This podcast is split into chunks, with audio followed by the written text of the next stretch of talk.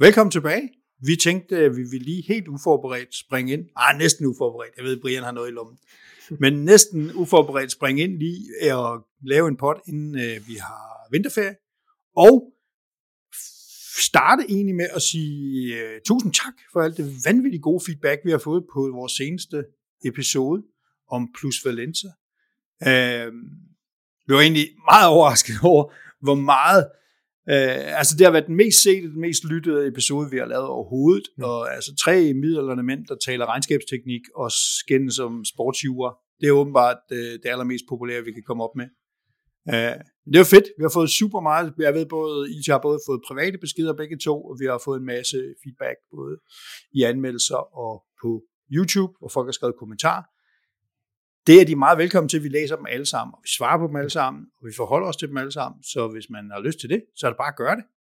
Ned og skriv, om vi er dygtige eller dumme, eller øh, om øh, I er enige eller uenige. Vi læser det hele. Så det var, det var lidt overraskende. Ja. Det er dejligt at have fået den, fordi det vil også, i hvert fald, hvis det ikke er den episode, vi har forberedt os mest på, så er det i hvert fald en af dem, og øh, ja. læse 37 timers, eller 37 siders øh, afgørelse fra, på italiensk sportsjur, det, det tager det meste af en weekend. Kan vi ikke sige det sådan, og lidt mere og sådan? Åh, oh, det, det tager lidt tid, ikke? Men det var, det var det hele værd, og jeg blev da klogere. Det er, det, det er jo ja. i virkeligheden et af de vigtigste formål, vi har med det her. Uanset om folk lytter eller ej, så kan vi godt uh, lige at gøre hinanden klogere. Præcis, og, og prøve at få en forståelse af det. Øh, vi famler stadigvæk, men øh, det er ikke fordi, det helt står lysende klart, men, men jeg synes det også, vi er da også selv blevet klogere i den her proces på det. Og det gode er, der er meget mere at vente om sådan noget der jo. Åh oh, ja. Oh, måtte vi nævne ja. det? Måtte vi nævne det? Undskyld. Jeg har faktisk udvidet det til 4P'er nu, fordi Paredes er også ude nu. Ham gider heller ikke snakke om. Så det er både øh, plus Valencia, Prisma, Pogba og Paredes, det er alt forbudt. Det er sgu noget af en rider, vi får på et tidspunkt der, hva'? Lige præcis. Men skal vi ikke uh, lige starte med at tale om weekenden? Uh, vi skal ikke gå igennem alle kampene, men, men uh, der var der nogle ting, der var interessante.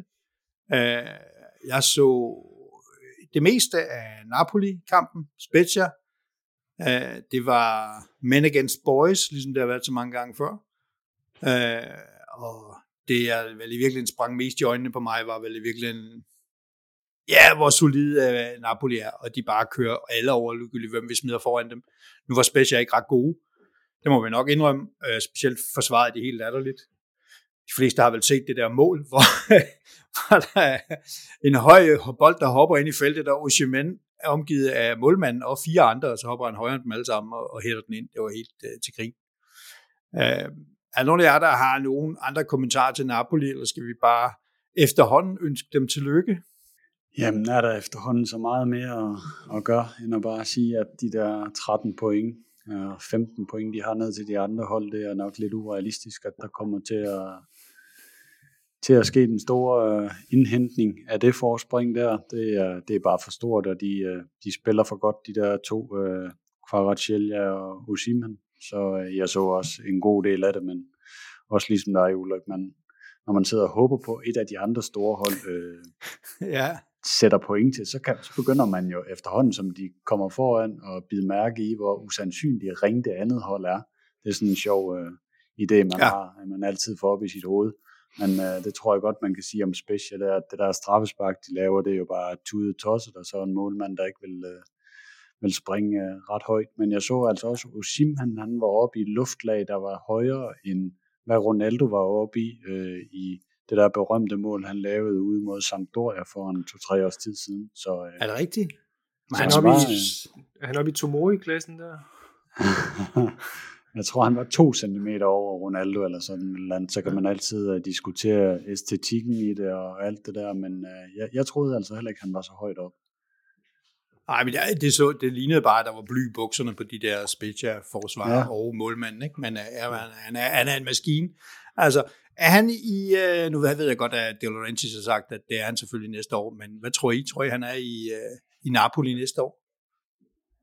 Alting har sin pris, og det har Napoli også, øh, og ekstremt effektive angriber, der også er spektakulære, de er altid høj kurs.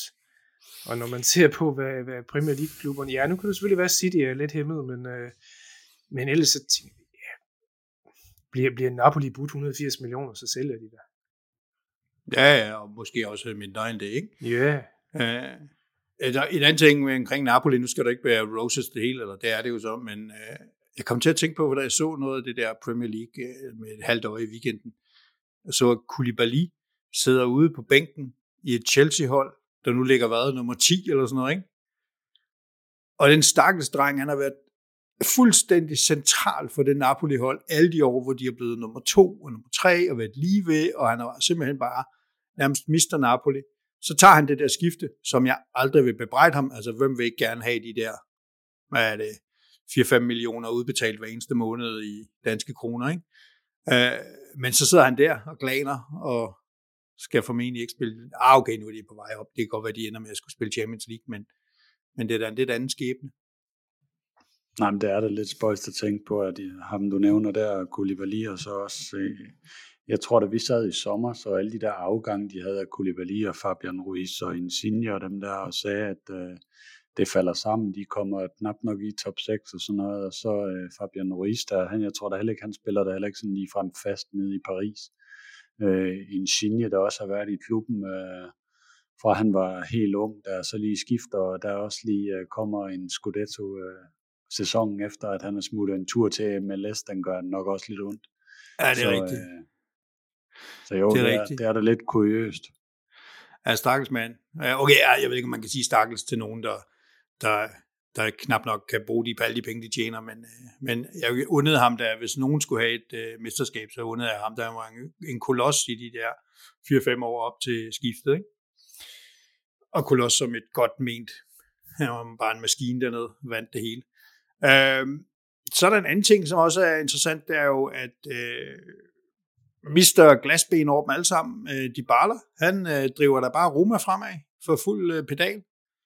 Øh, eller det vil sige, hvor lang tid var det nødvendigt? Det var nødvendigt at spille i, i 6 minutter og lave to hjørnespark, som blev konverteret til mål, og så var der en kamp forbi. Ikke? Empoli havde ikke meget at byde på. Øh, var nogen af jer, der, øh, der så kampen?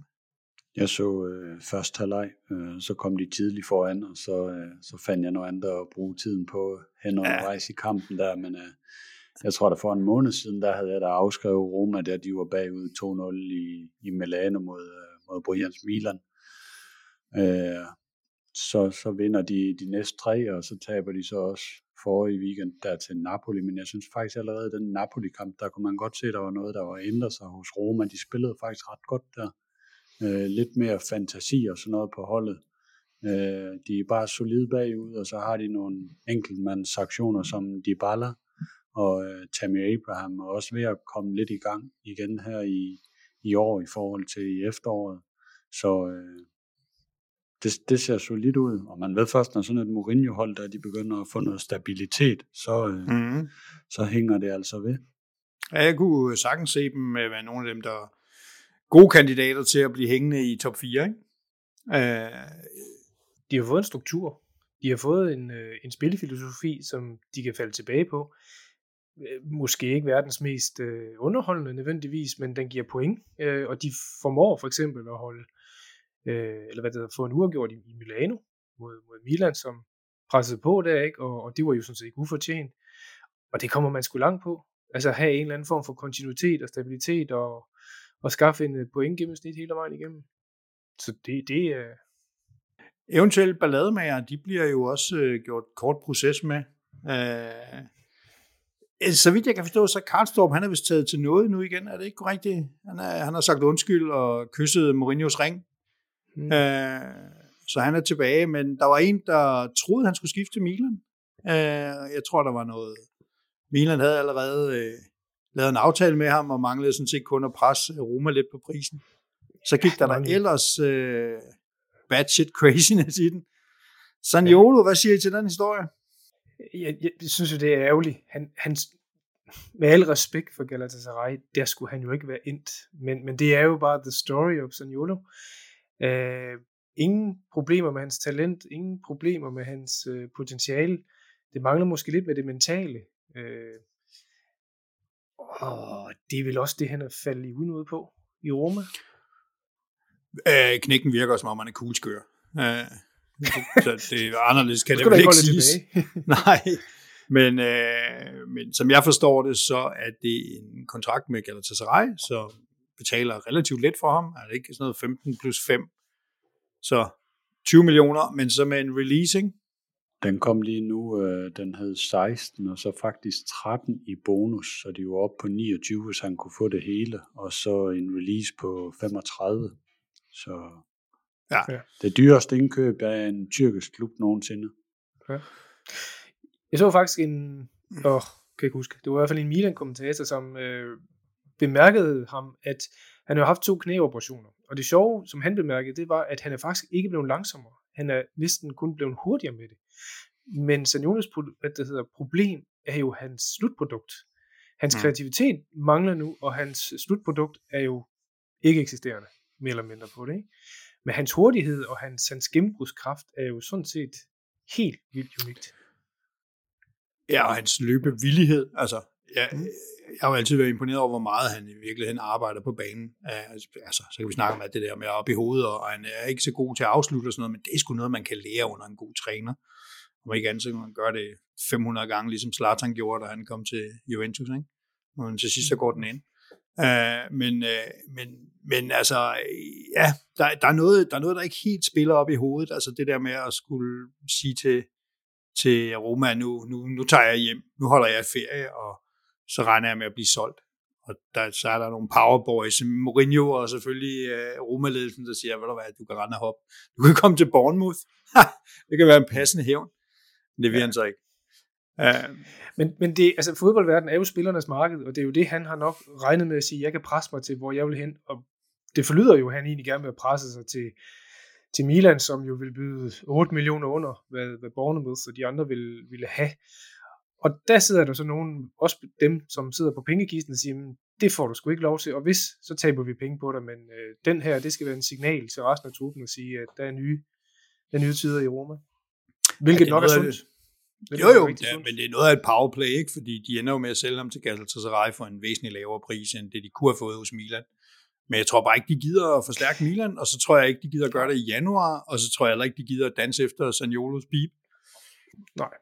Jeg tænkte øh, også, det har været et mystisk, øh, mystisk salg, at de egentlig øh, måske forstærker en konkurrent der, hvor en konkurrent virkelig har en, en udfordring. Ja, det, det ville være etisk, og det har de jo så også bare blankt sagt nej til. Ja. Men så er der noget af en... Øh, så er der to Milan-gutter, ex-Milan-gutter, eller Milano-gutter i Galatasaray, kan han få lov at gå ud og fyre den af sammen med Icardi. Uh, og jeg tror ikke, øh, jeg tror ikke en ellers sund mand som uh, Mertens kan holde de to tilbage. Jeg tror, der bliver fart på. Jeg synes jo, jeg synes, han er en svær spiller sådan at, at bedømme Sagnoli i forhold til, hvor det er, hans spidskompetencer ligger, og hvad der er hans favoritposition, fordi jeg synes, der er lidt et før efter skaden med ham selvfølgelig. Øh, du siger Brian det der med, at han, han har bevaret sin fart, og det, det har han formentlig også, men jeg, jeg har bemærket det der med, efter han er kommet tilbage efter skade nummer to, at han også blev en enormt mere muskuløs og øh, lidt større i det. Øh, og jeg synes især, når han har det der med at bevæge sig ind i banen, der virker han faktisk på mange gange for, øh, øh, hvad skal man lige bruge af rigtige ord omkring det, lidt for, lidt for stor på en eller anden måde, store bevægelser, ikke så god i de små rum, og han er virkelig en, øh, så er han blevet brugt også sådan lidt som sekunda punta der sammen med, med hvad hedder han, Abraham, da at øh, Dybala han var skadet, og han er faktisk ikke en ret god øh, link-up-spiller med hans teammates. Øh, det der øh, relationsspillet, der synes jeg aldrig, han har været rigtig stærk. Han er lidt sådan øh, ego-solo-spiller på, på en eller anden måde, der kan lave nogle vilde raids, og det der mål, han lavede ude mod Spal den så, corona-sommer, der kan man jo huske, hvor han tog den fra sådan en halv øh, Theo Hernandez der mod Atalanta i foråret, hele, hele banen igennem.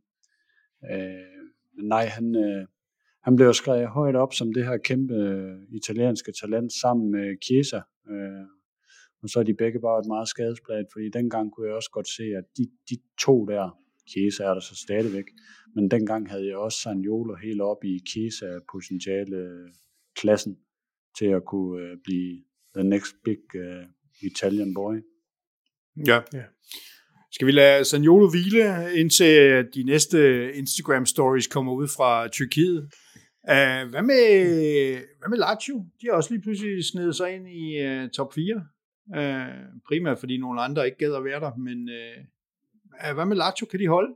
Jeg synes jo lidt, Lazio Øh, uh, Roma er deroppe, fordi de har fundet noget stabilitet. Jeg synes, Lazio mere er deroppe, fordi uh, Atalanta lige har taget et skridt tilbage de sidste par kampe, og fordi Milan så kollapser. Og jeg synes ikke, Lazio i 2023 har været voldsomt imponerende. Det er meget nat og dag. De har den der kamp mod Milan, hvor at, øh, de vinder 4-0, og man tænker, wow. Men derudover så, de taber i Lecce i den første uafgjort mod Empoli og Verona, øh, uafgjort mod Fiorentina hjemme, og så vinder de så den der Milan-kamp, og så i, øh, i Sassuolo. Øh, og i, ude mod jer, Ulrik, i pokalen der i sidste uge, der er de også forholdsvis tamme øh, hele ja, kampen. Der er ikke det, meget. Jeg kan se, at de har, de har Atalanta i, øh, i næste kamp, og jeg tror, får de en sejr der, Lazio, i den der indbyrdeskamp mod Atalanta, så kan de godt øh, få gejst på igen og hænge på i den der top 4 kamp, men taber de den, så tror jeg faktisk, at de er, de er de, de hold, der, der, der falder fra igen. Øh, jeg synes heller ikke, det decideret imponerede mig i efteråret, ja, og der sådan er meget sejbold over det hold, efter min mening. De har ikke bolden ret meget, de, de presser ikke Sarri højt, som Sarri han gjorde øh, med hans Napoli-hold.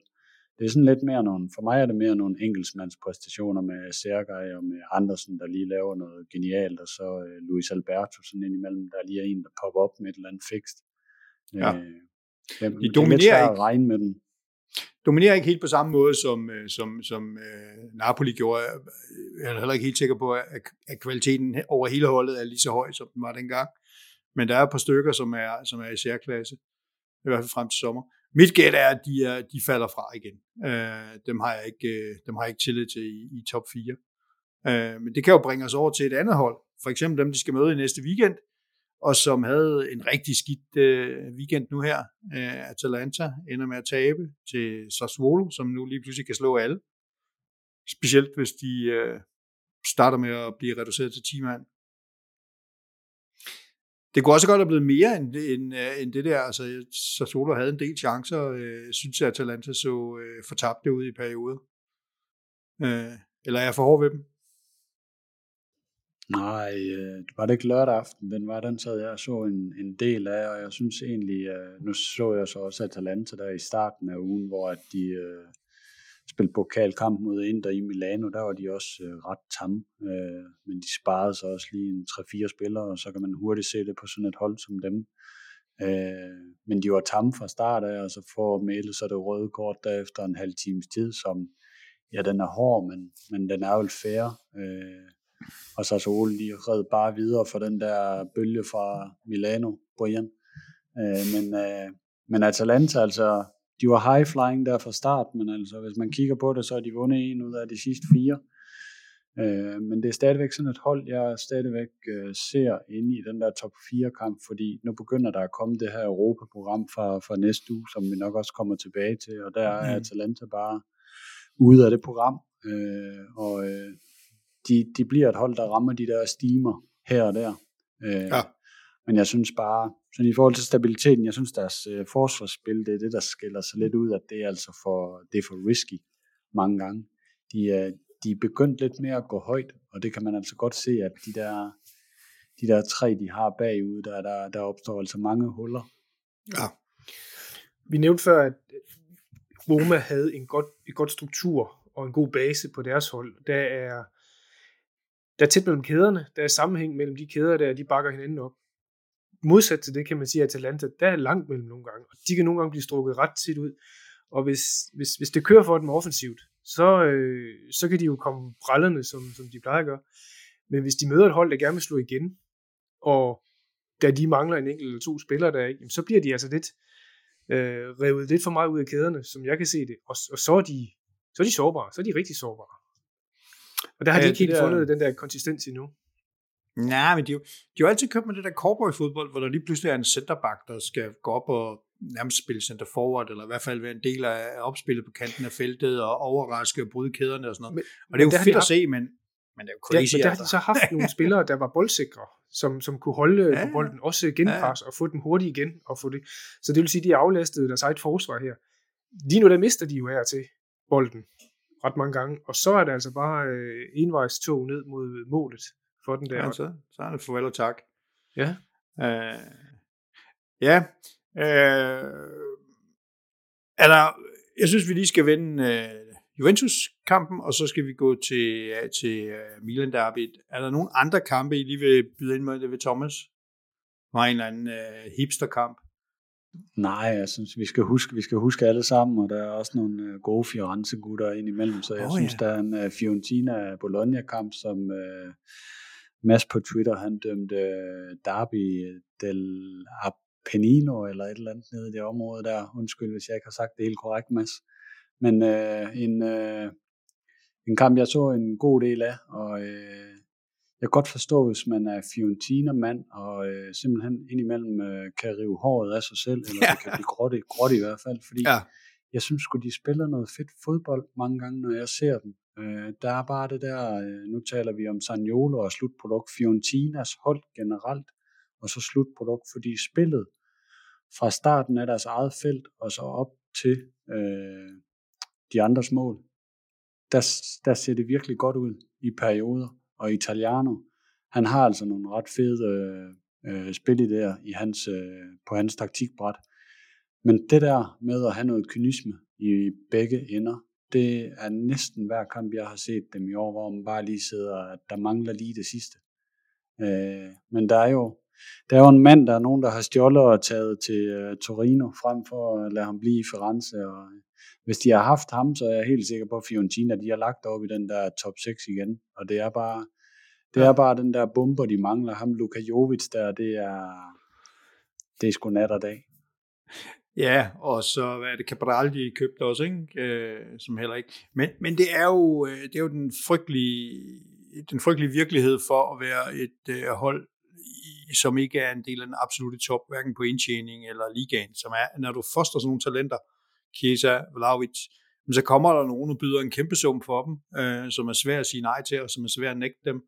Øh, og det forstår jeg da udmærket, øh, hvis øh, Fiorentina-tilhængerne er godt trætte af. Ikke? Øh, men, men det er del med svært at fastholde den type talenter på et øh, midterhold, øvre midterhold. Mm. Nu skal vi være flinke med dem. Fiorentinas uheld er måske også, at de kommer en af gangen. Nu kan man sige Benedeschi og hvad det hedder, øh, Chiesa var lidt på samme tid der, ikke? Men, men at der kommer en, der bare shiner fuldstændig, så bliver velkommen snuppet, jamen så har de måske en i pipeline, der kan gå ind og erstatte, men, men det giver jo altså et dyk i det. Hvis de nu havde 3-4 stykker, som kunne løfte det hold, og som det kunne gå op og så give et eller andet form for momentum til, til klubben, og måske en Champions League deltagelse eller et eller andet, så kunne det skubbe den klub, ikke? Men det der med, at der kommer sådan en op ad gangen, som jo selvfølgelig, det var det du ret i, Ulrik, bliver snuppet af en, øh, en større fisk i vandet, så gør det, at du bare aldrig rigtig tager det der skridt op der. Ja, men sådan er det jo bare. Det er jo den der frygtelige, frygtelige uh, sandhed, der er i fodbold, som vi nu mærker internationalt. Ikke? jo, øh, jo. var ikke længe før, der kommer nogen af vores spillere. Uh, så kan vi lære det. Men, uh, mm. men altså, havde de kunne beholde, de har Amrabat, kunne de beholde, uh, du ved, Bandeski, han er ved at være en gammel fisk, ikke? men kunne han have været der nogle år, og så uh, også uh, Kiesa og Vlaovic, og kæft et hold, de kunne have haft, ikke? Ja. Det tænker de nok meget over i, øh, i Fiorentina eller Firenze og omegn.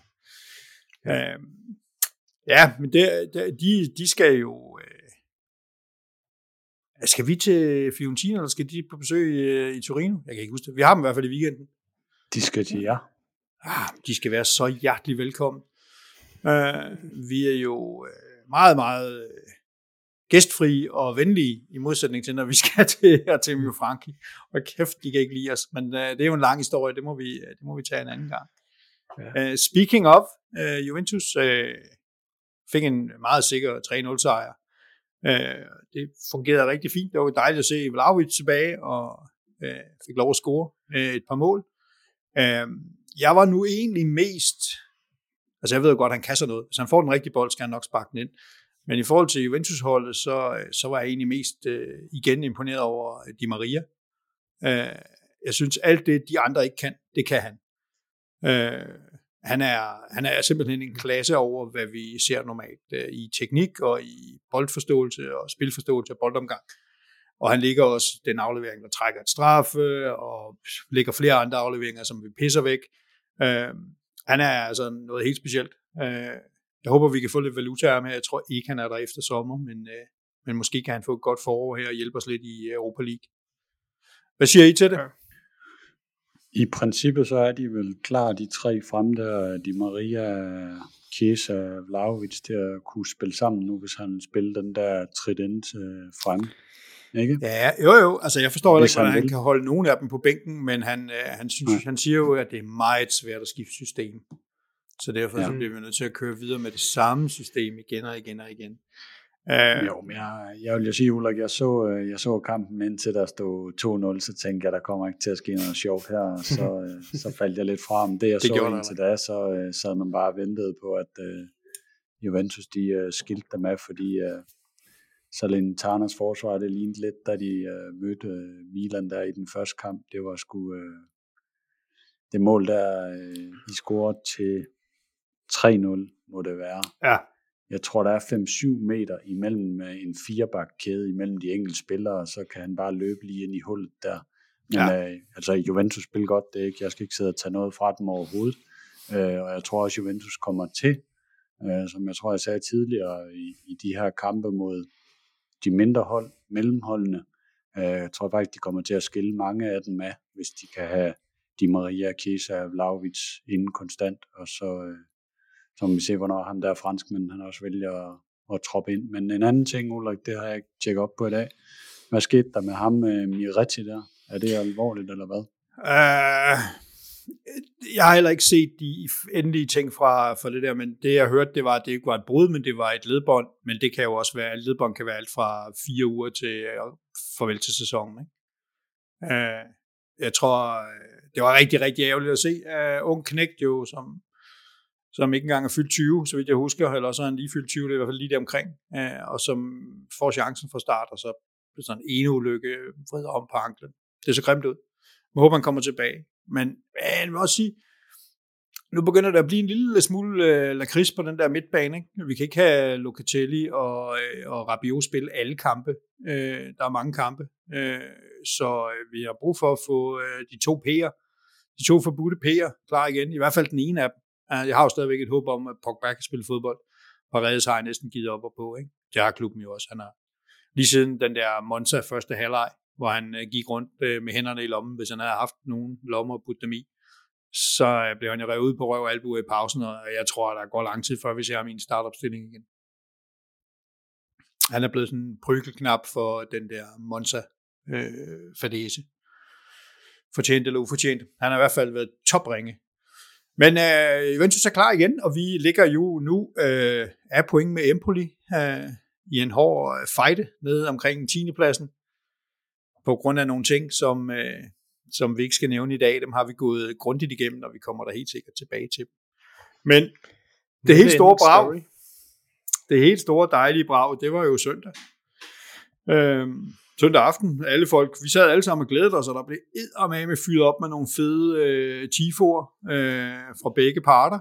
Øh, mm. en, en kæmpe flot slange og en, øh, en tillykke til de arabiske mestre.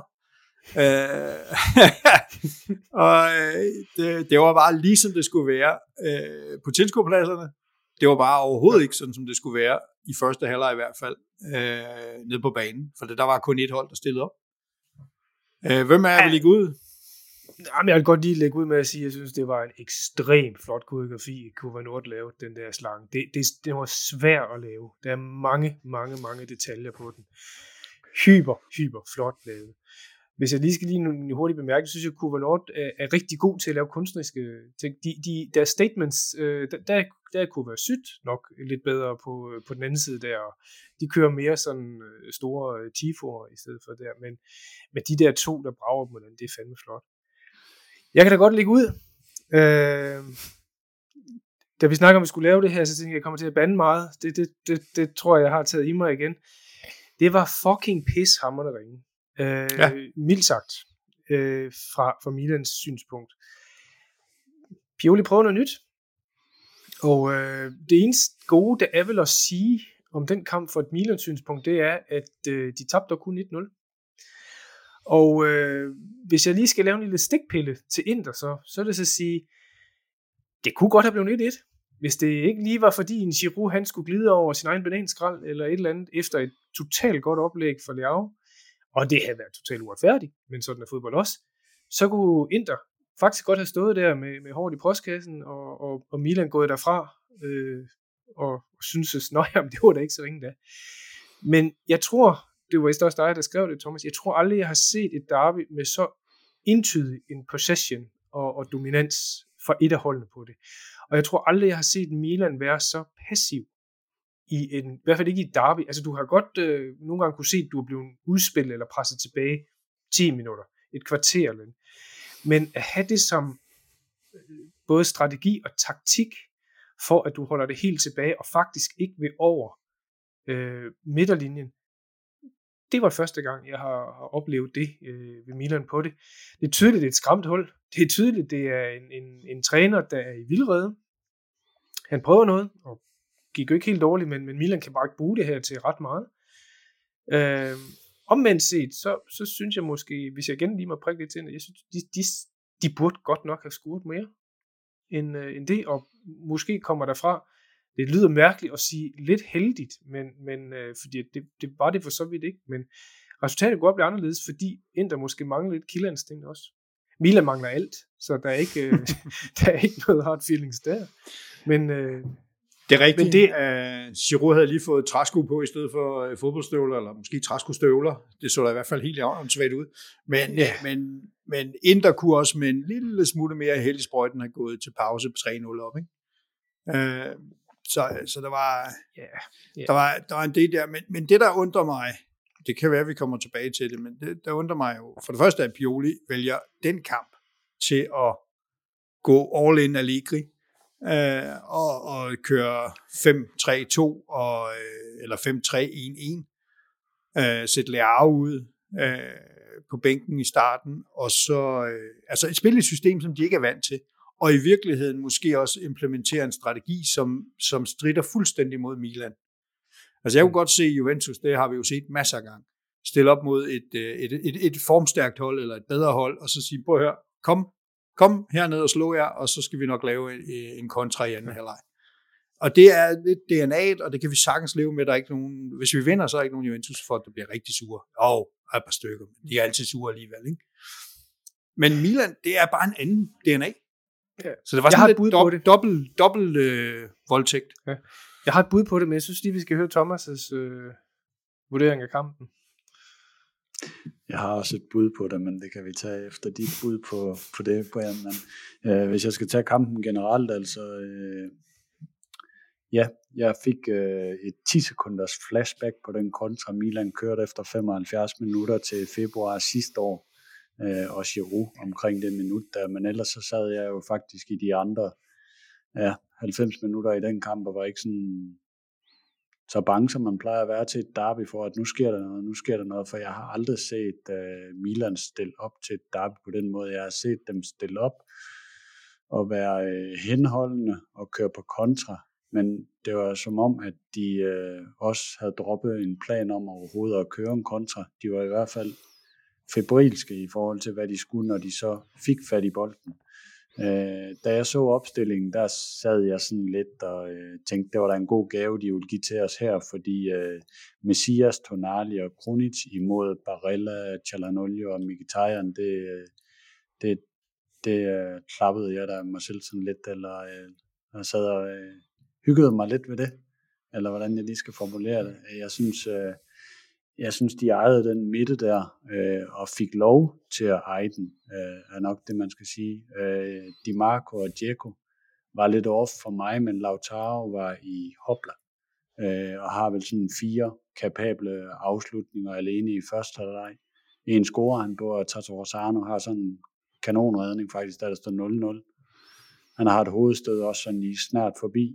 Øh, jeg synes ikke, man kunne ikke se i hvert fald, at det var en, der spillede en Coppa Italia-kamp sådan fem dages tid før, øh, øh, før kampen der i løbet af ugen. Øh, og det var dem, der kom med overskuddet, men, øh, men Milan, jeg har jo også nogle kommentarer til, men jeg synes, Brian han skal have lov til at starte. Det, det er mest fair.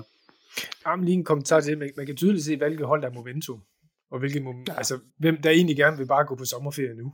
Altså, i ikke? altså ja. til det.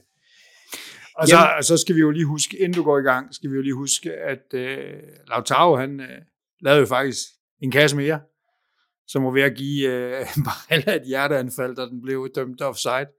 Mm. Og Lukaku havde den også i nettet, ikke? Det var så lidt mere klokkeklar. Øh, eller i hvert fald nemmere at se, ikke? Uh, men ja, Lautaro, han havde lige, hvad var det, en kind? En kind offside. Det var nok til at uh, blive dømt offside, og sådan er det jo. Offside er jo 0 eller 1.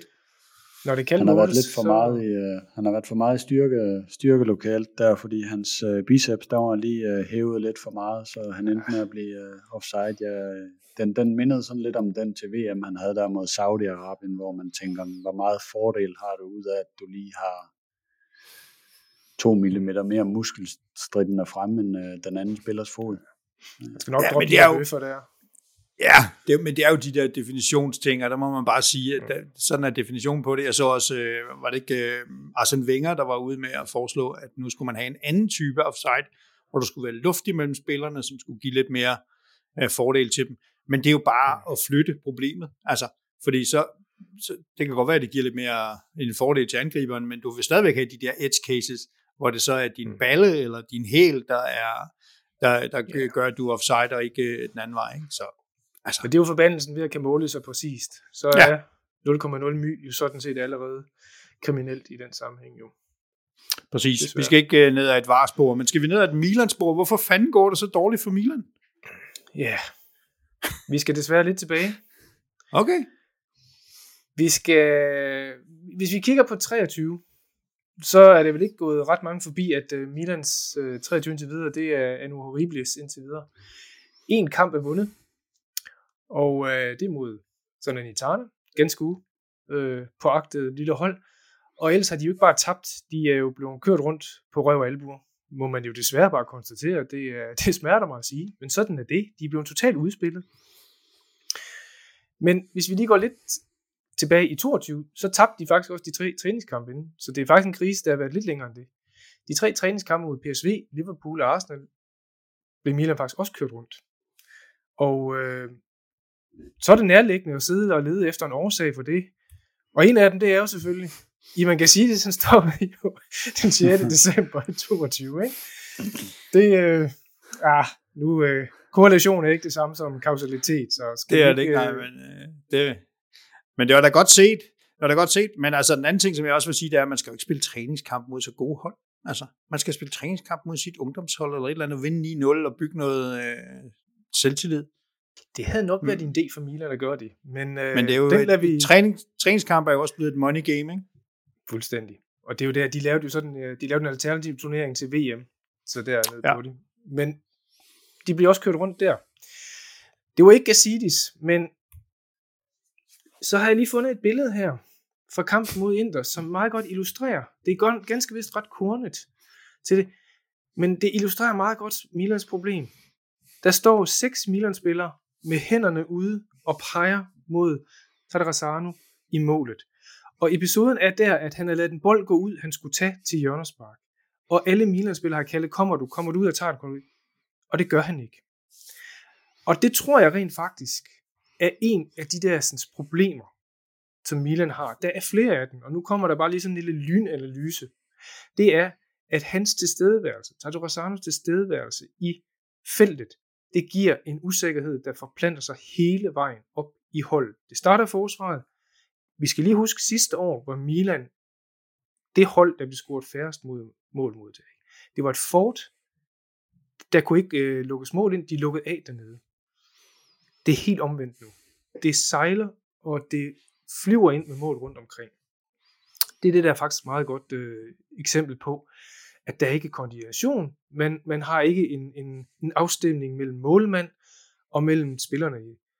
Fordi det er jo lige meget, hvilken forsvarsspiller man sætter ind, så går det lige elendigt. Øh, jeg troede, det ville være bedre, hvis Kær han kom ind, fordi så kunne han ligesom få noget ro på det. Det sejler jo stadigvæk rundt om Kær. Så øh, mit bud, og det er lidt hårdt at sige det, for fodbold er et holdspil, men, men målmanden er Milans kæmpe akilleshæl og problem lige nu. Og den usikkerhed, der er dernede, den forplanter sig altså ret langt opad. Men så må man også sige, at det så ikke et lidt sårbart hold, hvis, fordi jeg er da enig i, at Tatarano er en latterlig målmand i forhold til Magnan, men, men hvis ikke der skal mere til at få det hele til at se ud, som det så ud på de søndags, øh, hvor de en, nogen... Og den, den, den vil jeg komme tilbage til, men bare lige for at illustrere, hvad er det, han er op imod os? Øh, hvis vi kigger til, til dem, der lytter, så er jeg ved at have en, har jeg en statistik op, som vi selvfølgelig lægger ud på vores Twitter-side, omkring de to øh, målmænd, Tata Rosano og øh, Mignans øh, stats. Og en af dem, der, der springer lynhurtigt i øjnene, det er, hvem der egentlig stopper øh, indlæg bedst. Det, der hedder crosses stopped, det er den tredje nederste. Hvis vi kigger til højre, så er Mangyang, han, øh, han stoppede, øh, det, det er en måling på de sidste 365 dage, de har spillet. Han stopper øh, 8,7 procent. Han er i 91 percentile på de bedste målmænd, eller alle målmænd, der er i optagsstatistik, altså i top 10, kan man godt sige på det der. Så kigger over til Tartarusano. han er i den nederste tredjedel. Han stopper 5,1. Og hvis man kigger op og ned af, af, af, af Magnans statistik, så er han jo i top i de sidste år. Altså det er jo virkelig en, en ekstrem dygtig målmand, Milan de mangler lige nu, og som er ude. Og øh, hvis vi bare tager de der indlæg, han stopper, jamen han er jo højere end Courtois, han er højere end Donnarumma, han er højere end Alisson Becker og Ederson. Og selvfølgelig er Tado Rosano lavere end det. Så det er et kæmpe, kæmpe tab for Milan, det der, der det, Og det, det viser den statistik på det, det er jo. Så kommer dit spørgsmål så. Øh, og det kan jeg sgu godt forstå, fordi har man ikke vidst det her? Kunne man ikke se det, fordi at øh, altså Mangyang, han er faktisk meget skadet. Øh, han var skadet sidste år, og han har jo mistet 21 kampe i år. Og hvad gør andre hold, der er mester, når det sker det? Jamen, hvad gjorde Bayern München for eksempel, da, da Neuer han synes han skulle på skiferie og brække benet? Der, Jamen, så købte de der Jan Sommer. 10 millioner euro. Så, så der kan de ind og sig. Og Milan, jamen de har jo sådan set fire målmænd. De har jo også en, øh, en Antonio Mirante. Ham vil de så åbenbart ikke bruge. Det kan man så undre sig over. Og jeg kan også undre mig over, at Milan måske har den bedste scouting øh, afdeling i ICA. Og hvem finder de? Tata Rosano. Der er et eller andet her, som, som, som skuer virkelig i den ellers ret velsmurte Milan-maskine på det. Og der har lige været et, et transfervindue også, hvor man kunne gå ud og forstærke sig på det. Det har man valgt ikke at gøre, og øh, man har nok kigget lidt for meget efter Sanjolo, og ikke kigget efter det hul, der var nede i, i, øh, i, i hvad det hedder, i, i forsvaret på det. Har I ikke fået en eller anden ung, øh, en ung keeper ind? Han ikke en eller anden ung jo. keeper fra Sydamerika? Jo, Men han er måske det har man. Så ung, han så hedder øh, Davis Vasquez. Vasquez, ja, okay. men, men han vurderes ikke at være klar til CA endnu. Man kan spørge, hvad kan han gøre værre end Tato Ja, Tato han, øh, han tog selvfølgelig nogle, nogle, nogle skud fra Martinez, det skal han have. En kommentar til, til holdopstilling, og der, der kommer lidt forklaring på, hvorfor jeg tror, at, at uh, Pioli han vælger at stå op i det, som uh, Saki, Rico Saki, han kalder uh, den moderne form for Catenaccio, det er jo 3-5-2. Og det, det er egentlig for, at øh, Saki han kalder det jo også at stille op med et femmandsforsvar. Pioli og andre kalder det jo altid tremandsforsvar, men, men Saki kalder det konsekvent for et femmandsforsvar, og det var Milan jo, sådan set.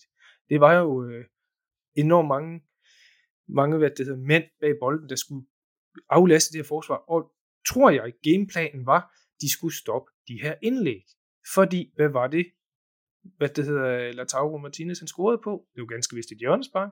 Det var jo en standarddivision med et indlæg. Hvad var det, at Roma scorede på i et af de sidste øjeblikke? Altså Tammy Abraham, det var et hovedstød på det der, ikke? Milan er ekstremt sårbar i det der luftrum derinde, for der er øh, Tatu simpelthen bare, han er ikke villig til at gå ud og tage de bolde der på samme måde, som jeg var. Og mit bud er, at der er altså en del automatismer i Milans forsvar, siger, vi er vant til, at Maja, han går ud og tager det der, han kommer råbende, skrigende, som hver Peter Michael, snupper det, har styr på det dernede, ikke?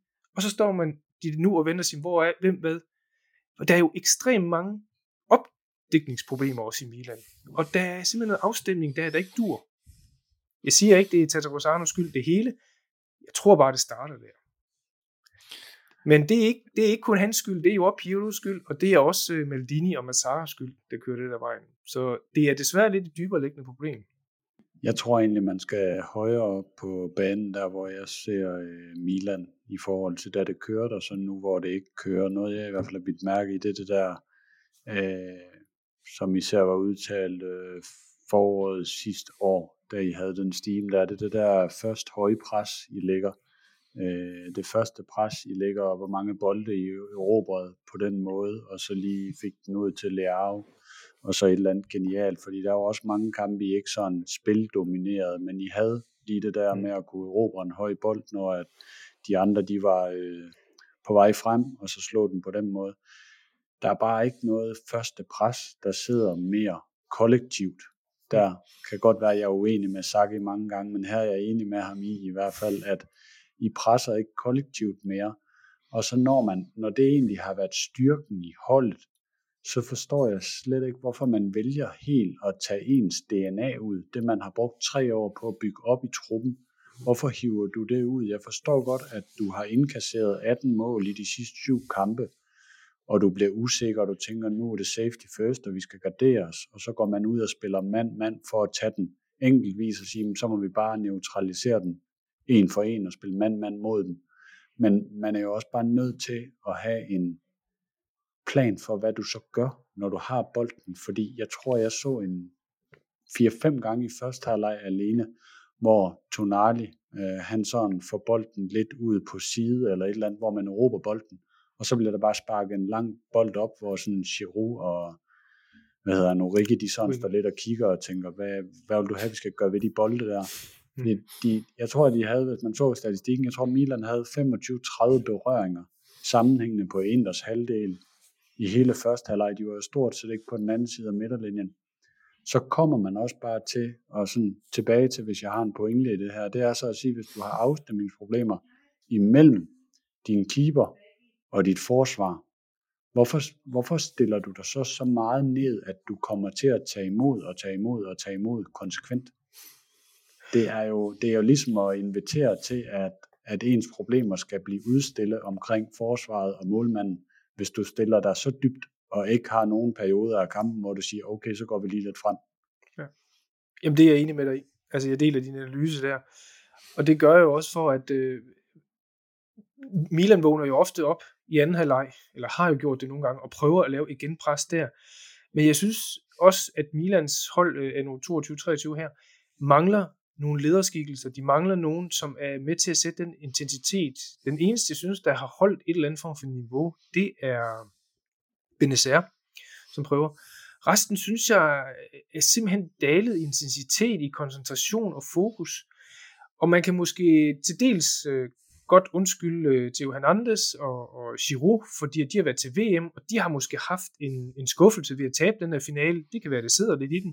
Modsat øh, Martinez, som jo flyver derudaf, fordi at han er blevet verdensmester. Ikke? Det, det, det kan godt betyde et eller andet. Kær kommer også tilbage efter lorte VM. Det kan også godt være, det sidder i det. Så der er nogle lidt knikkede ledertyper der, som siger, ah, måske er fodbold ikke det vigtigste i verden. Ikke? What? Øh, og der mangler måske, der mangler måske en Zlatan, der mangler måske også en Mangyang i omklædningsrummet. Det jeg så kan undre mig over den snak der, det er, hvor er Pirlo så henad? Hvorfor, hvorfor, hvorfor kan han ikke få den intensitet banket ind i de andre på det der? Det er jo det, en træner skal kunne gøre, ikke? Ja. Jeg vil også sige, at øh, når jeg kigger på den tremands midtbane af Tonali, vi er enige om, han er god. Benacer var så desværre spærret, og jeg kunne ikke spille. Han er også god. Øh, og så, så, er der, så skal de trække en tredje mand med sig hver eneste gang. Og i det her tilfælde var det jo så to. Så var det Krunic, som har begrænset funktionalitet, og så var det uh, Messias uh, på midtbanen. Ikke? Men der er ikke sådan vanvittigt mange høj kvalitet at tage af. Og hvis man spiller et system, som kræver højt pres, koordinering øh, og, og, og kvalitet, når man erobrer bolden, så må man sige, så, så synes jeg også, at Milan er en lille smule fanget af det, som vi roste dem for, da vi havde Milan sundhedstjek, som var, der styr på pengene, der er ikke noget crazy ting. Mm.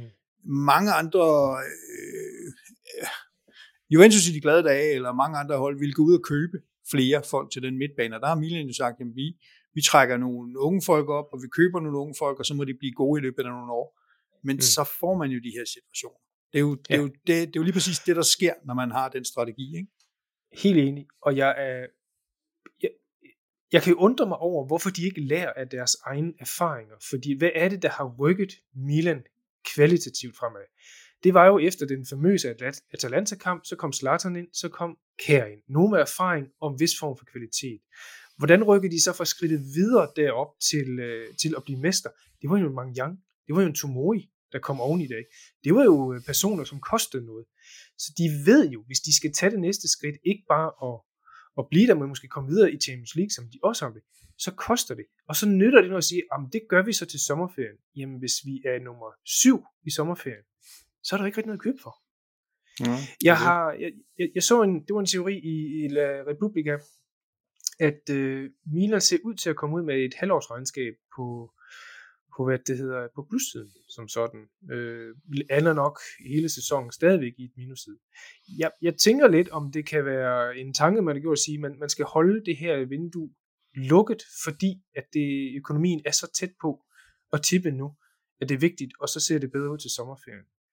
Og det kan jo ud fra en økonomisk, finansiel revisor tankegang være meget godt, det er bare lidt sur røv, når dit kerneprodukt, den ligger nede på en, øh, jeg, jeg ved ikke engang, jeg holder op at kigge på tabellen, må jeg sgu indrømme. Jeg ved ikke, er de på en 7. plads, 8. plads, ikke? Altså, det er jo, det er jo jammer, det, det her, ikke? Men det er jo lige præcis der, hvor, øh, fordi man kan sige på mange måder, at det er jo super fornuftigt, og det roste vi også i den der Milan sundhedsgennemgang. Hvis man ikke har hørt det, så kan man gå tilbage og høre det, øh, eller se det, hvad jeg står frit for, for det er en glimrende gennemgang. Men, men der, der har vi også set, hvordan Milan har fået styr på finanserne. Styr på finanserne. Og in, altså, hvis man kun styrede Milan efter en fodboldlogik, øh, så vil man måske bare ringe ned til, nu gør vi det med Firenze igen, ikke? ringe ned og sagt, hvad skal, hvad skal I have for ham der Amrabat, ikke? Øh, det er den sidste, jo. jeg er tilbage. Uh, han vil jo være fantastisk. Der er sikkert mange andre midtbanespillere, der vil passe ind, som havde den der power og dynamik og passe direkte ind med Benacer mm. og, og, og, og Tonali. Mm. Men det gør man jo lige præcis ikke. Og, så, og det er sikkert måske fornuftigt. Problemet er, at man gambler med de der 80-100 millioner som en fjerdeplads. Præcis. Præcis. Og det var jo egentlig også lidt min pointe med at vise øh, tidslinjen med øh, 23, og så også en problemet startede faktisk i 22. Der er godt nok en, øh, en, en træningskamp mod et lille sekunderhold, som, som de vandt 3-1 eller sådan et eller andet. Men Milans problemer starter altså i 22. Jeg kan så huske den sidste kamp, som var mod Fiorentina. Det var et heldigt Milan-sejr, de kørte der. Så det er ikke sådan, man har siddet og sige, jamen de kørte igennem. Og så der, hvor det egentlig begyndte at tippe lidt for mig, hvor jeg synes, at nu begynder kritikken lidt at vælge frem i mig mod, mod Milans ledelse der, det var et, et egentlig meget elegant interview, som Paolo Maldini han ude holde, og jeg mener, det var efter Sassuolo-kampen 5-2, hvor de, eller enten var den eller Lazio, men hvor han står og siger, ro på, øh, vi skal det nok, vi er, vi, vi er mesterne, ikke? og så kommer det vi er inden for parametrene. Og med parametrene, der mente han, vi er i Champions League videre, og vi er nummer to. Det har han selvfølgelig ret i, den gode mand, men han må da for fanden også som leder kan spotte, at det er en nedadgående tendens, vi har med at gøre. Ikke? Når man bliver kørt rundt på røv og albuer af de nærmeste konkurrenter, så har man sgu ikke inden for parametrene. Så skal der gøres noget, så skal der stoppes et hul eller andet, så skal der en, et eller andet chok gå til. Hvad der skal til, det her, jeg er ikke ekspert i på den måde, men jeg kan i hvert fald godt spotte, at det er et hold, der ikke er synkron med sig selv. Måske troede de, at det lige præcis var sådan en ordentlig dosis Saniolo ude på højre kanten, der skulle til, ikke? Og det ville sikkert også have givet noget energi og noget fest. Ja, det kunne godt være, men han er sådan en type, der går ind og siger, kom så drengen, giv mig den bold, skal jeg sagt med banken ind, ikke? Ja, det Måske gør han, men, han, men så sparker han forbi og ja. giver nogle andre skylden. ja. Ej, jeg, jeg, jeg tror, han ville have været en genial signing. Mm. Ja, altså, jeg, hvis vi tager hans uh, mentalitet væk, for er, fordi han virker jo som en kæmpe nar. Det, det tror jeg også, men, men jeg tror desværre, og jeg siger faktisk desværre det, jeg tror, at der mangler en Zlatan i det der omklædningsrum. Og, og, og nu, du siger det sgu det, det kan kraften ikke passe, de der børn, ikke snart selv kan stå på egne ben, at de ikke snart kan komme ud, og så banke ned igennem. Men selvfølgelig, hvis, hvis alle de der, led, de der sådan, ledelsesstøtter, de, de, er, de er presset, altså Giro, øh, øh og sådan, ikke? De, de, de er nede på det mentale plan, og de har ikke engang tillid til ham der 190 cm mand, der står bagved den, ikke? Så er det godt være, at de køber Olo. Men hvor er Pirlo så henne? Så må han skulle ind og gøre et eller andet. Så må de få nogle unge friske på. Nå, jeg har snakket, Thomas. Det er din tur. Ja, det er min tur. Nej, men det, noget af det, jeg hæftede mig mest ved, det var øh, sådan et derby der, der, Brian, der plejer vi jo aldrig at sidde og snakke bagefter omkring, at det ene hold, øh, og analysere på, hvorfor det ene hold var helt væk, så vi sidder og øh, skændes lidt omkring nogle dommerkendelser, eller Lautaro. Ja, det er svin spytte, til det der indre spiller, der bare sejlede. Spø, Lautaro ja. har spyttet luft ud på nogle Milan-spillere, og alle de der ting, ja. vi plejer at sidde og debattere nu. Og så sad jeg bare efter den kamp, der følte sådan lidt, ja, man havde vundet, men jeg synes jo, der manglede noget øh, nerve. Jeg har jo øh, de sidste mange derby, så har du set uh, Theo Hernandez var lidt op og fight mod Lautaro, og især eller mod Dumfries. Dumfries. Det er så nok det, der var Inders taktik, det var ikke at have Dumfries med, fordi at Theo han var bare blid som et lam og var hen og sige, åh, kom, kom op igen Lautaro. Lautaro står på et tidspunkt og fighter i en uh, hjørnesparksduel med, jeg tror det er Kalily, Øh, og så er det faktisk Theo, der sådan går hen og siger, ah, ro på gutter nu, I skal ikke stå og skændes. Før der var han jo gået lige mm. flæsk af ham, hvor der ja. var skabt den der stemning. Det var sådan som om, der manglede simpelthen øh, noget gnist ja. i at, øh, at sige, at øh, vi skulle nødt til lige at vise, at vi er her. Men, men lige præcis ham, de, de der rates, vi har set ham gøre, det er jo lang tid siden, vi har set ham, punkt 1, gøre det, punkt 2, selvfølgelig, de har været succesfulde. Det virker som om, han kører på tredje gear, eller et eller andet. Og, jeg, jeg kan ikke, jeg går, det kan være, at hans krop er træt efter en lang øh, fodboldturnering. Det, det skal jeg ikke kunne udelukke. Men jeg tænker, et, altså et, et hold et hold kan jo ikke kollektivt miste evnen til at spille fodbold på en måned. Det er jo. noget, der sker i hovedet. Jamen, det er jo noget, der sker i hovedet. I deres krop, der, de bør jo kunne teknikken, og deres fysik er vel, de måler sgu alt på de der træningscenter. De må da kan måle, at vi stadigvæk kan løbe, og, og, og musklerne ikke er trætte af det. Ikke? Så der må ske et eller andet op i hovedet på den. Og så er det, jeg tænker, jamen hvis det er det, vi er ude i, så er vi ude i træner og ledelse. Ja, altså det, det skal jeg ikke udelukke, fordi jeg skal være helt ærlig, og jeg ved ikke, hvad det er, man skal gøre ved de der situationer. For hvis jeg vidste det, så det jeg, jeg ringet, så har jeg ringet ned til Torino for en 3-4 år siden og sagt, hey, jeg har et lille fiftdreng. Mm. Fordi jeg er jo øh, helt vant til efterhånden at se folk, som er landsholdsspillerniveau, øh, verdensmesterniveau, øh, topspillere i Europa, spille som skræmte kyllinger, når de øh, tager Juventus-trøjen på. Og altså, der er ikke nogen tvivl om, at der er en eller anden form for øh, holdpsykologi. Altså, hvis man, hvis man bliver ramt lidt, sådan som Juventus gjorde nede i Napoli, eller som vi har gjort mange andre gange, man bliver ramt lidt, og så, så lige pludselig, så, så, så, så er du lige et halvt skridt efter næste gang, ikke? fordi du skal, mm. ikke, du skal lige tage lidt mindre chance.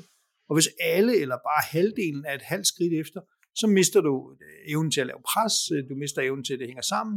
Du er lidt nervøs, når der kommer en aflevering hen til dig, så derfor så mistimer du den, og så ryger den af helvede til, i stedet for at den bare sidder, hvor den plejer. Øh, det er så vildt det der, hvor meget selvtillid, ja. både individuelt og kollektivt, betyder for et fodboldhold. Vi kan se Inter, som jo, de har jo ikke ret mange gode fodboldspillere, men det, det hele det kørte jo for dem der, ikke? øh, og selv sådan en, øh, en bænkspiller som Lautaro, han ligner jo en verdensmester øh, i søndags, ikke? Lige pludselig, så kan han det hele bare virke for ham, og han, han har spillet sådan længe efterhånden, ikke? Altså, vi snakker om det der, han er sådan, han er sådan en hold-up player på niveau med, med et stort brød, eller sådan noget efterhånden, man kan jo ikke tage den fra. Mm. Øh, og, og, og gik man, og så, så kan vi vente om, og så ser til Lukaku, ikke? Så ser vi Lukaku ind. Han burde kunne alle de der ting. Det kunne han for to år siden. Nu kan han ingenting, vel? Altså, det er, det er bare, det er så mærkeligt det der, og en eller anden dag, Brian, kan du huske, vi snakkede om det, Brian, vi må simpelthen have en eller anden sportspsykolog, eller en erfaren træner, eller noget ind her, og ja. fortælle os, hvad er det, der sker, når et hold, både når det kollektivt lige pludselig mm. alting mm. virker, men også kollektivt, når det lige pludselig ikke virker. Mm. Altså også præcis det der Napoli-hold. Men altså, det er jo helt vanvittigt fedt at se på, at de spiller noget fantastisk mm. fodbold. Og der er nogle af deres spillere, der er verdensklasse, specielt op foran. Men deres midtbane, den ligner jo, altså, det er jo ikke nogen, man vil sige, det her det er superstjerner alle sammen, i hvert fald Anguissa og, og hvad hedder ham der, der spiller Superliga og sådan noget, ikke? Altså det er jo helt crazy. Mm, og når du sætter dem sammen, så ligner de jo bare nogen, der spiller for, altså kunne spille på, jeg ved ikke, ja, Manchester City eller det brasilianske landshold, de er så gode. Der er et eller andet. Ja, en af de største, både for urolige og fascinerende ting, jeg synes, der ved fodbold, det er, at et, et hold netop kan gå ned Altså, vi, vi kender alle sammen den der sådan, øh, to plus lige med fem effekt, ikke? Øh, hvor, hvor du, du, du ved at nogle holdkammerater eller kollegaer eller andet bliver hævet til hinanden. Men jeg synes bare aldrig, jeg har omvendt, omvendt sådan, at du har en hel regnskabsafdeling, for eksempel, der lige pludselig ikke kan regne. Altså lige pludselig, øh, jeg kan, du kan godt have en, som går ned med stress, eller en har det dårligt, ikke? men at alt lige pludselig er dårligt, eller en, en, en sprogafdeling ikke kan stave, eller tale italiensk, eller, eller andet, det, det, det, det, synes jeg sgu aldrig, man ser. Men det ser man nogle gange på fodbold. Det danske landshold til VM for eksempel, ikke? Altså, godt eksempel. Og det er jo nok, der er sket et eller andet der, der gør lige pludselig, at fodbold ikke sjovt mere. Det er ikke fedt at løbe 110 procent herude mere. Jeg tror, vi snakkede også tidligere om, nu skal jeg nok lade Thomas sige noget lige om det, men vi snakkede også tidligere om det der med, at, at Milan havde sådan en ved, vedbrødsperiode, hvor man fik ros i efteråret, og man var mestre og så videre. Mm. Men nu får man jo også med den store hammer, og ja. øh, Saki, som, øh, som I jo begge to læser, er også ude med, med, med sviner til dem eneste gang. Jeg tror, det er enormt hårdt at spille fodbold, når det ikke virker, og man bare skal høre på pis, og jeg håber da ikke, de går på sociale medier og sådan noget, ikke? Men nogle af dem det er derfor, de får millioner år jo.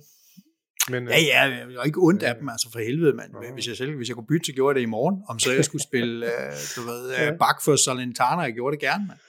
Ja. Men det nok, ligger nok ikke i kortene. Thomas, er du enig i det? Tror du, jeg kunne stå en bakke i Salentana? Eller var det noget andet, du ville sige? Nej, men nu skal jeg ikke være en uh, party-spoiler uh, over for Brian, men jeg, uh, jeg vil nok pege lidt på Pioli og så sige, at jeg synes, det her det begynder at øh, vække lidt minder omkring nogle tidligere tidspunkter i hans karriere, at der har været de der honeymoon, og nu har han trods alt været der i, det er vel tre år, er det ikke? Jo. Jo. jo. Øh, så der har der været, der har der været sådan små dyk indimellem, jo slet ikke sådan nogen. Det, det første rigtig store dyk, han får, det er nu. Og når han har været før i uh, Fiorentina, Lazio og Inter, så når der er kommet det der rigtige dyk, der i alle tre klubber, der er det altså bare ikke kommet op igen. Uh, så der vil jeg i hvert fald være bekymret for som Milan-fan, om, om han evner at vente, når man rammer, rammer bunden helt. Øh, Gazzetta dello Sport har lavet sådan en collage med hans periode. Jeg tror faktisk, det var fire klubber, de havde. Jeg kan prøve at finde billedet, så kan vi sætte Netop hvor han, havde sådan en streak på enten, kan det passe, det var syv tabte kampe i Inter, så han ud seks tabte kampe i Lazio han ud, og så, jeg mener faktisk, det var otte i Fiorentina også, øh, hvor han, og netop, han, når han kom ind i den der sådan, øh, nedadgående spiral, eller, eller den der dødsrute nedad, jamen så formår han ikke. Man kan sige, det, det jeg klynger, øh, og det er lidt mere end et håb, håb er lidt mere en strategi i den her sammenhæng, det er, at en Mangyang kommer tilbage, det, det vil give noget, fordi at en Mangyang bare på 70% er trods alt bedre end Tato Rosano på 100. Det vil give et eller andet. Og så en Slattern, hans tilstedeværelse. Jeg tror ikke, han kommer til at spille ret meget. Det er måske et kvarter her. Øh, det. Men, men det, han er i, i omklædningsrummet, tror jeg vil give et eller andet. Om ikke andet tror jeg i hvert fald på, at det stabiliserer nok til, at Milan kommer på en eller anden form for fjerdeplads. Jeg tror ikke, det er nok til at gå forbi Tottenham.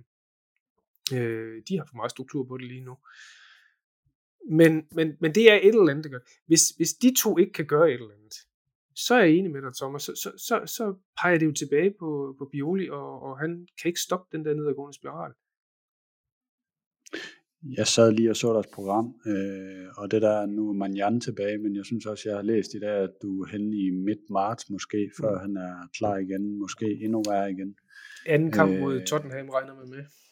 Ja, Ja. Øh, og så sad jeg så deres program, de næste ni kampe, der har de en hjemmekamp imod Salernitana, hvor man sådan tænker lidt, ja okay, hvis de spiller som mod Juventus i går, så, så napper I sgu nok den. Men de andre otte ud af ni kampe, det er altså ikke nogen sjov nogen. Øh, Starter det er ikke med... nogen, der ligger til højre, højre benet. Torino. Starter med Torino, ikke? Altså hvis vi ja. forestiller os, det her det kommer ud fredag morgen, så, øh, så er det jo Torino i aften. Ja, men, men der, der er det igen at sige, der er kun svære kampe for nu af for Milan. Altså det, det er overlevelse. Det er jo ikke nedrykning, vi snakker om, men, men, men at et Milan uden for Champions League, det får alarmklokkerne til at ringe på alle, alle hylder der. Og der tror jeg, at, at hvis ikke spillerne er klar over det lige nu, så er, så er der nogen, der ret hurtigt skal gøre det. Øh, ja, være bevidst om det, og øh, ja, jeg tror faktisk, at, at hvis nogen af vores klubber kunne tåle, der er jo ingen af dem, der har, kan tåle det reelt, men hvis nogen kunne tåle en tur uden for Champions League, så tror jeg faktisk, det er Milan. Lidt bedre styr på finanserne, lidt bedre, knap så tungt investeret op. Øh, Men det kan mit selv være fandme ikke. Nej, det ved jeg godt. Det ved jeg godt. Det ved jeg godt, men altså, det, det tager vi jo, vi danser jo rundt om der helt forsigtigt og be- beskytter dit Ja, ja. selvværd. Nu må det være nok. Det er rigtigt, ja. Tænk på os andre, der måske skal spille Serie B. Ja. Men, men det her, det her er den værste form at være fan, for en ting er, at du taber til et bedre hold. Altså, Milan har tabt til Inter nogle gange. Milan har ofte tabt til Juventus også, og vice versa. Ikke. Det er hvad der sker. Nogle gange så er det ene klub op, nogle gange så er den anden klub ned. Sådan er det. Men, men at opleve det her, hvor, hvor du faktisk oplever 11 milliardærer, der løber rundt derude, ikke? Ja, millionærer er de vel kun. Øh, men som faktisk ikke rigtig vil være der. Altså sådan synes det er lidt opgivende også, at du, du taber ikke bare 1-0 til, til Sassuolo, sådan okay, og så to Nej. en heldig til. Lars, 5-2. du bliver kørt rundt, hvor du tænker, hvad fanden laver I? Hvad er det, der sker her? ikke? Man taber til sig selv, og det er jo det værste. Men som både, tror jeg, som spiller, jeg tror, som de er mere kede af det, end alle vi andre i virkeligheden. Det er slet ikke for det. Men så for fanden det grib fat om jeres boller, og så få havlet igennem til Hernandez, som du nævner ikke. Så skrald dig igennem og giv den advarsel, for fanden. Den eneste, jeg ser, der gør det som helst, det er jo- er Benacer. Det er jo derfor, jeg synes, han holder niveau. Men det er jo netop ham, vi ikke mod, fordi han er den eneste, der kan binde lidt sammen, ikke? Giroud kan ikke ramme en skid. Urigi, han kan ikke ramme en skid. Det er, det er den værste fornemmelse at sidde med, synes jeg. Det helt klart. Det eneste, du skal Ja. tænke på, det er, at hvis de nu lige rammer en sejr mod Tor- Torino i aften, og det, det behøver ikke engang at være kønt, de skal bare vinde, Mm. så er der lidt ro og fred, og så ja. spiller de lidt bedre næste kamp og får måske også en sejr, og så lige pludselig så kører det igen. Og det er jo det, der er så crazy med det her fodbold. Ja. Ikke? Og det, altså, det, er også det, det er også det, jeg, jeg håber og tror på i virkeligheden. Og fordi de kan jo spille fodbold. De kan jo, og Ja. de skal jo bare have, de skal jo måske også bare have en stolpe ind oplevelse og sige, okay, den gik så dog ind, og så går vi videre, fordi den kamp, de tabte til mod Torino, den kunne jo også have været svunget til begge sider af den pokalkamp. Som så. De har jo heller ikke haft tur i det. Men sådan er det jo nogle gange. Ikke? Altså, når du opsøger held, så får du held. Men hvis du opsøger uheld, og stiller den røve klaskehøjde, så kommer der fandme ind i Serie A og giver dig et ordentligt klask, ikke? Og det er jo det, Milan har gjort lige nu. Skal vi tage Thomas og så begynde at kigge fremad mod øh, noget, af, noget af de næste kampe? Ja, det er bare lige en hurtig afsluttende kommentar. Når man ser det der kampprogram, de har, og det de kommer fra, hvor det ikke kører. Jeg sad og troede efter den Lazio-kamp, der hvor I tabte 4-0, og der var der en 5-6 dage tilbage af markedet, at det var også lidt måske der, hvor man ser strategiforskellen på Juventus januar sidste år og Milan i år.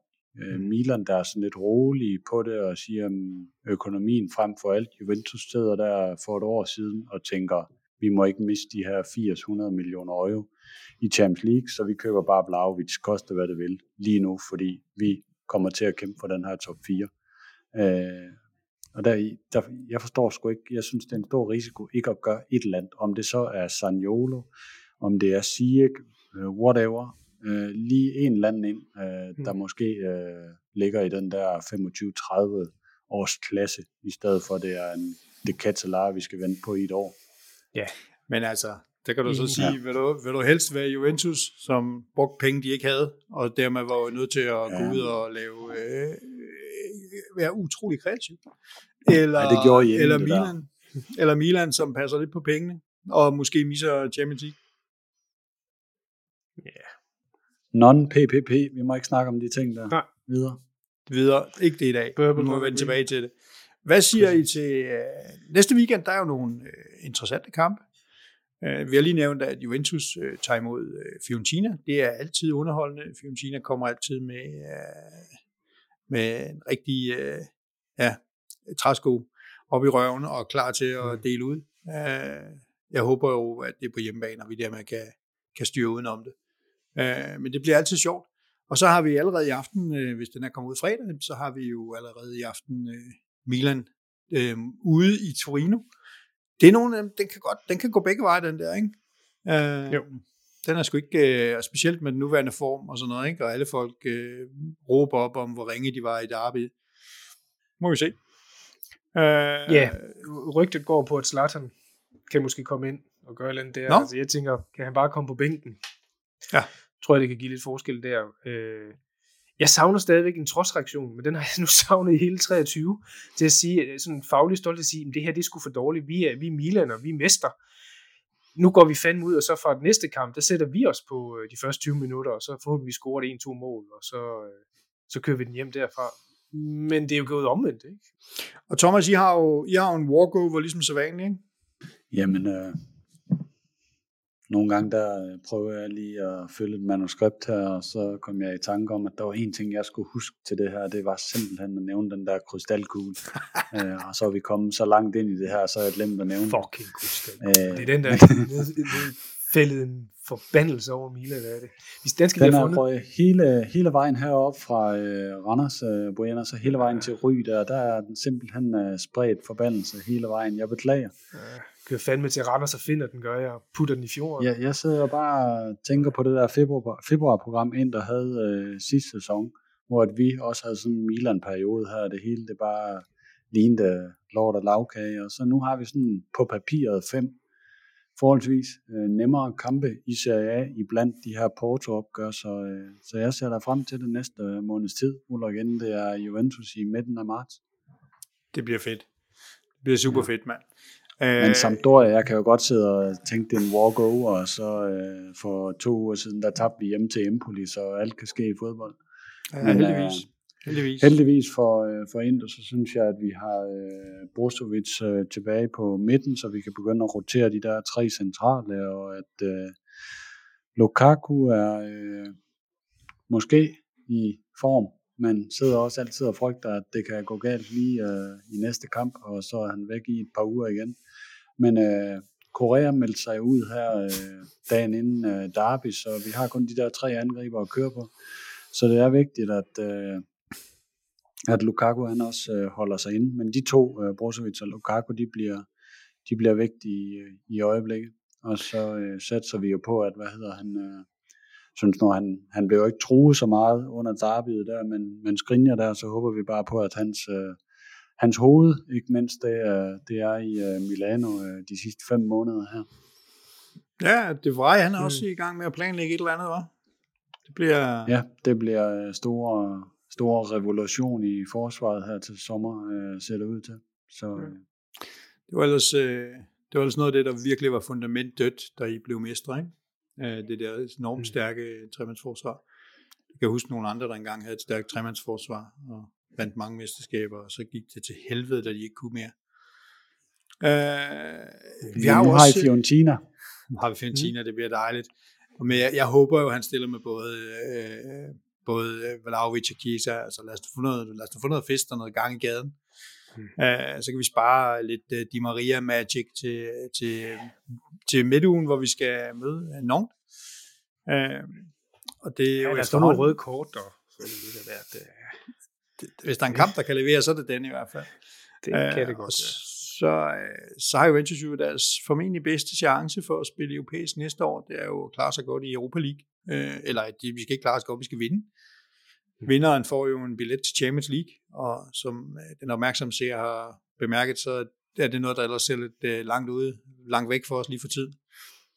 Så, øh, så, så Europa League er lige pludselig blevet super vigtig, og det samme er selvfølgelig også pokalturneringen, hvor vi skal møde Inter to gange i løbet af kort tid, så der bliver jeg rigtig fest på. Men vi starter med Fiorentina, og så er der i virkeligheden, den, den, det er selvfølgelig en, en must-see, men, øh, men jeg synes nu også, at øh, Lazio øh, Atalanta ser, ser lækker ud. Om ikke andet så to sårede dyr på savannen.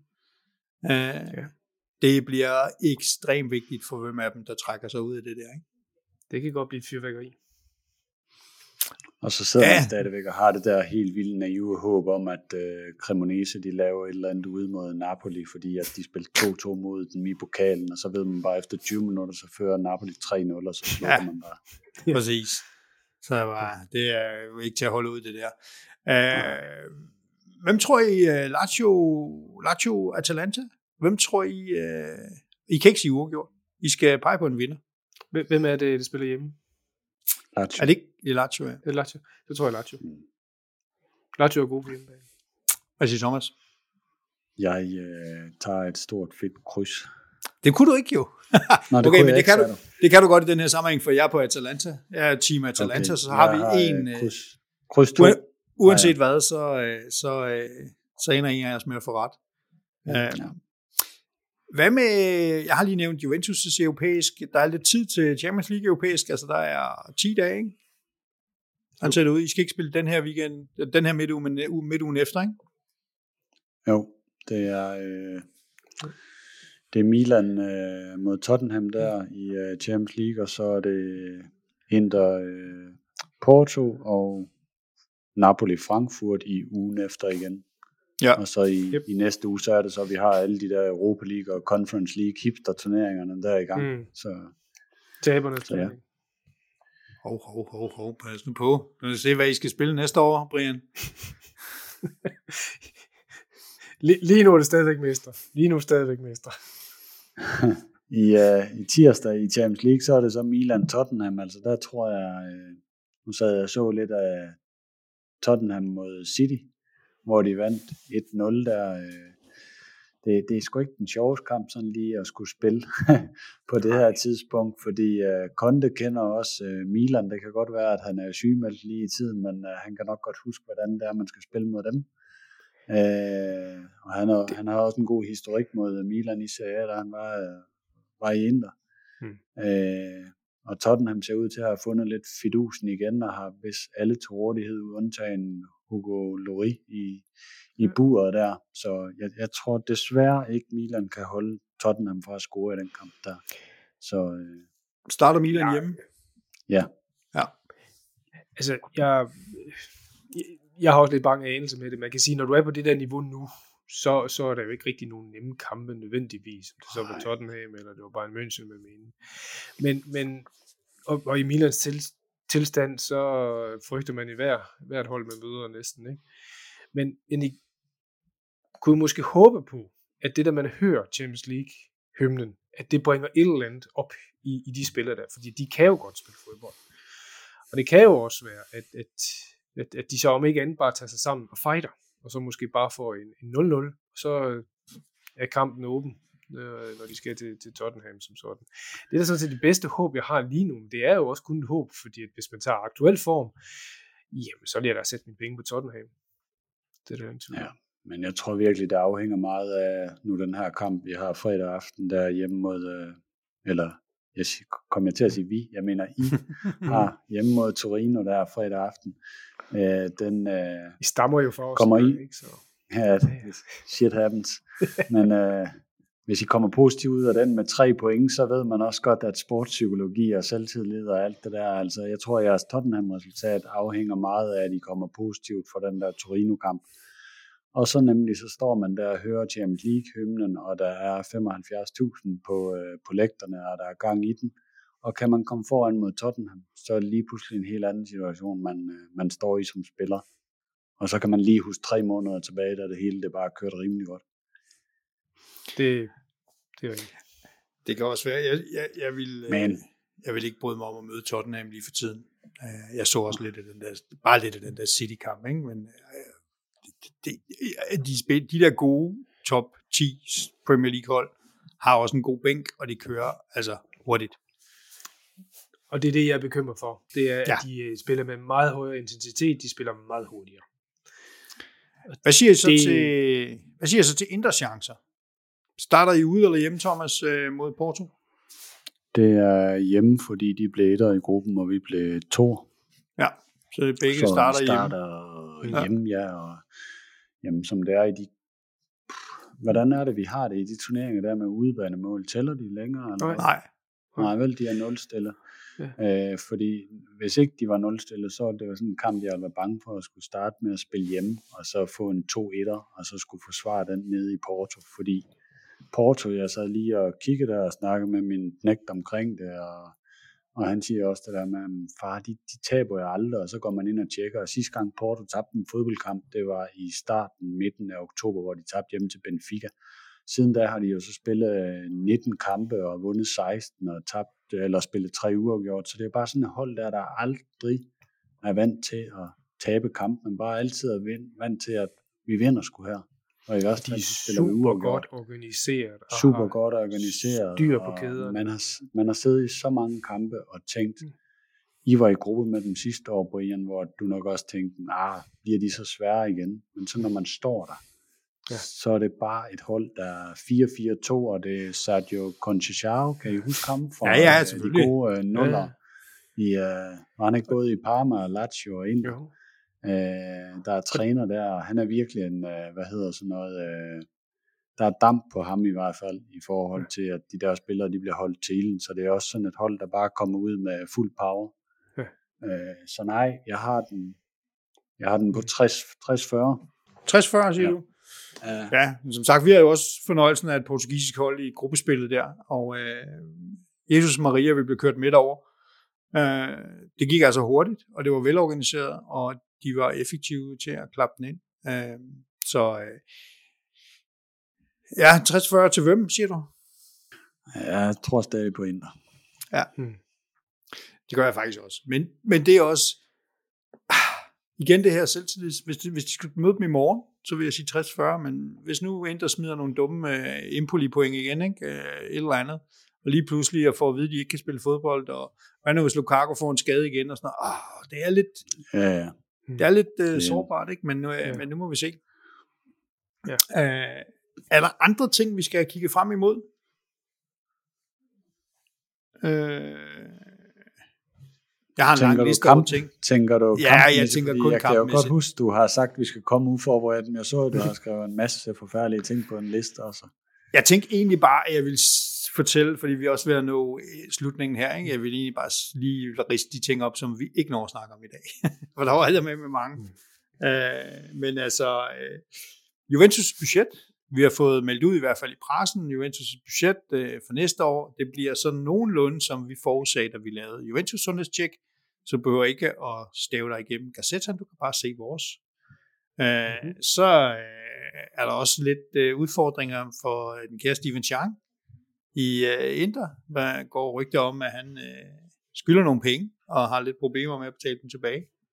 Så har jeg også på min liste her, har jeg jo Manchester City, uh, som lige pludselig har røget kløerne på Premier League. Forskellen på en uh, tegneserieorganisation som UEFA, og så en rigtig professionel liga som Premier League. Nu bider den. Mm-hmm. Uh, det glæder jeg mig til at følge. Jeg tror, det bliver rigtig spændende, og jeg tror desværre, det bliver rigtig langvejt. Uh, så er der Ciro Tantaniello, uh, altså den her, en af de tre anklager i, i Prisma-sagen, som havde lige pludselig var oppe og runde, og vi har gennemgået det på Twitter og ting og sager. Det var storm i glas vand, men det kommer der mange flere af. Vi havde også øh, på vores notepapir øh, de her fremtidens Superliga, øh, ikke A38, men A22, som begynder at, at gå og rumstere med søde, søde Bernd, vores tysker, som nu er charmerende og charmerer alle. Øh, det er kun Inter, der ikke vil være med, og I må komme på et tidspunkt og betale ja, han, for at komme med ind. Han, den gode Bernd, han arbejder på hans penge lige nu. Ja, det må man sige. Øh, og bare grundlæggende sympatisk tysker, altså. Så, øh... nu siger han også det, alle gerne vil høre. Ja, det er det, han er ansat til. Ja. Ja. Og vi havde også, vi havde også uh, Koni-panel sammensætning, som også har givet en masse ting og sager. Gå ind og find Twitter, vi har kommenteret på det. Uh, ny sponsor til Inter fra Saudi. Mm. Så Brian og jeg har jo begge to iført os sådan en, en en krav, så vi ikke kan få hakket hovedet af. Øh, ja, skudsikker vest. Og... Lige præcis, ja. Og kommer ikke på nogen konsulater i en frem, fremtid. Okay. Alle de ting kunne vi have fyldt endnu et par timer med. Det gør vi ikke, fordi øh, det vil være sent. Og øh, det her var sådan en uplanlagt øh, skud fra hoften, øh, så øh, vi tager den. Men det har været lige så sjovt, som det plejer at være. Og øh, jeg glæder mig til, at vi stikker hovedet sammen igen efter vinterferien, og forhåbentlig spiller øh, Milan bedre. Forhåbentlig er der grus ja. i maskineriet over hos Inter. Og forhåbentlig kører øh, Vlaovic, Di Maria og, så, og Chiesa-trioen øh, og banker derude af også i Europa. Så øh, der er masser at se frem til. Vi starter med den her weekend. Gør vi. Nogle ting, I har lyst til at sige på falderæbet? Ikke stol på Twitter-rygter, fordi øh, jeg ved sgu ikke helt med den Saudi der. Altså, øh, jeg stoler ikke på nogen sponsorer, før der er skrevet under på noget, og ikke mindst, at de betaler. Det er typisk noget... nok det sidste. Ja, det er selvfølgelig rigtigt. Ja, det er selvfølgelig rigtigt, ja. Det er gode venner fra Digital Bitch. Men jeg mener jo, det er jo sådan noget, som folk ville sige, hvis de næsten havde landet en Saudi-sponsor, og vidste, at vi andre vi ville begynde at passe på. Ikke? Så nu bliver vi loose igen, og begynder at sige ting om mindre, og så falder hammeren. Pifhammeren. Ja, ja. Pif, pop, puff. Nej. Brian, bevingede ord og send uh, vores lyttere og se afsted med? Åh, oh, det er sgu nok ikke den rigtige ting at sige. Det hold, jeg støtter lige nu. Tro på det. Verden, jeg tror på det. Ikke? Ja. Solen står op i morgen. Thomas, du vil sige noget? Jamen, det var, at vi kan jo godt øh, løfte lidt et slør for, at vi øh, til næste udsendelse igen har lidt øh, idéer om at snakke omkring øh, italiensk fodbold, sådan i den europæiske økonomiske kontekst. Hvordan ser italiensk fodbold ud, øh, årsklubber og de største klubber i Italien i forhold til resten af Europa, hvor vi prøver at gå et øh, stik dybere der, øh, og sammenligne os lidt med Europa, også på økonomi og en sportsøkonom har vi vist undervejs, så øh, hang on, øh, det bliver helt sikkert spændende. Og så det bliver helt bare, sikkert øh, deprimerende, men om ikke andet, så hvis mm, vi er heldige, ja. så har vi en kapacitet til at holde os tre i ørerne. Ja. Uh, ja, vi har masser af ting, og det er også noget af det, man kan sige. Det, hver gang vi får et forslag på Twitter, på Facebook, på Insta eller YouTube-kommentarerne, så skriver vi dem faktisk ned. Vi har en lille database over alle de ting, vi gerne vil snakke om, og alle de ting, folk gerne vil høre om. Så kom med forslagene, så tager vi dem op. Uh, nogle ting er vi bedre til end andre, men, uh, mm. men vi vil da gerne tale om det. Skal vi sige tak for den gang? Lad os det. Ja. Tak for det. Det var en fornøjelse. Hej. Hej hej, og god held og lykke i weekenden. Lige måde. Lige måde.